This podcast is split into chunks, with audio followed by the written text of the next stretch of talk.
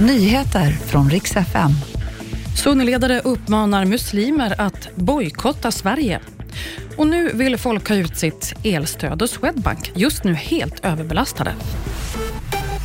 Sunniledare uppmanar nu till global bojkott mot Sverige och Nederländerna. Och det här är en kraftig markering från sunnimuslimernas högsta religiösa institution i Kairo som kan ge effekter på till exempel import.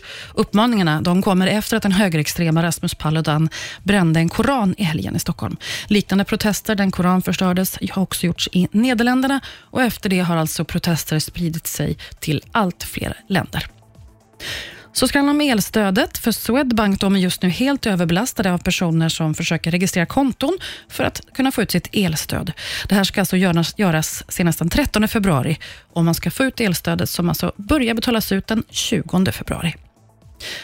Bespara oss mer om prins Harry och Meghan. Ja, det här paret har ju länge haft sin trogna fans i USA. Men ju mer de talar ut om brittiska kungahuset, ju mindre tycker amerikanerna om dem, enligt en ny enkät från Newsweek. Amerikanerna de verkar ha ledsnat helt på skvaller om deras privatliv. Bådas popularitet rasar stort. Framförallt fru Meghan Markle. Hon är just nu mindre populär än sin svärmor Camilla. Och det, det säger faktiskt en del för den som är insatt i det familjedramat. Det var nyheterna. Jag heter Maria Granström.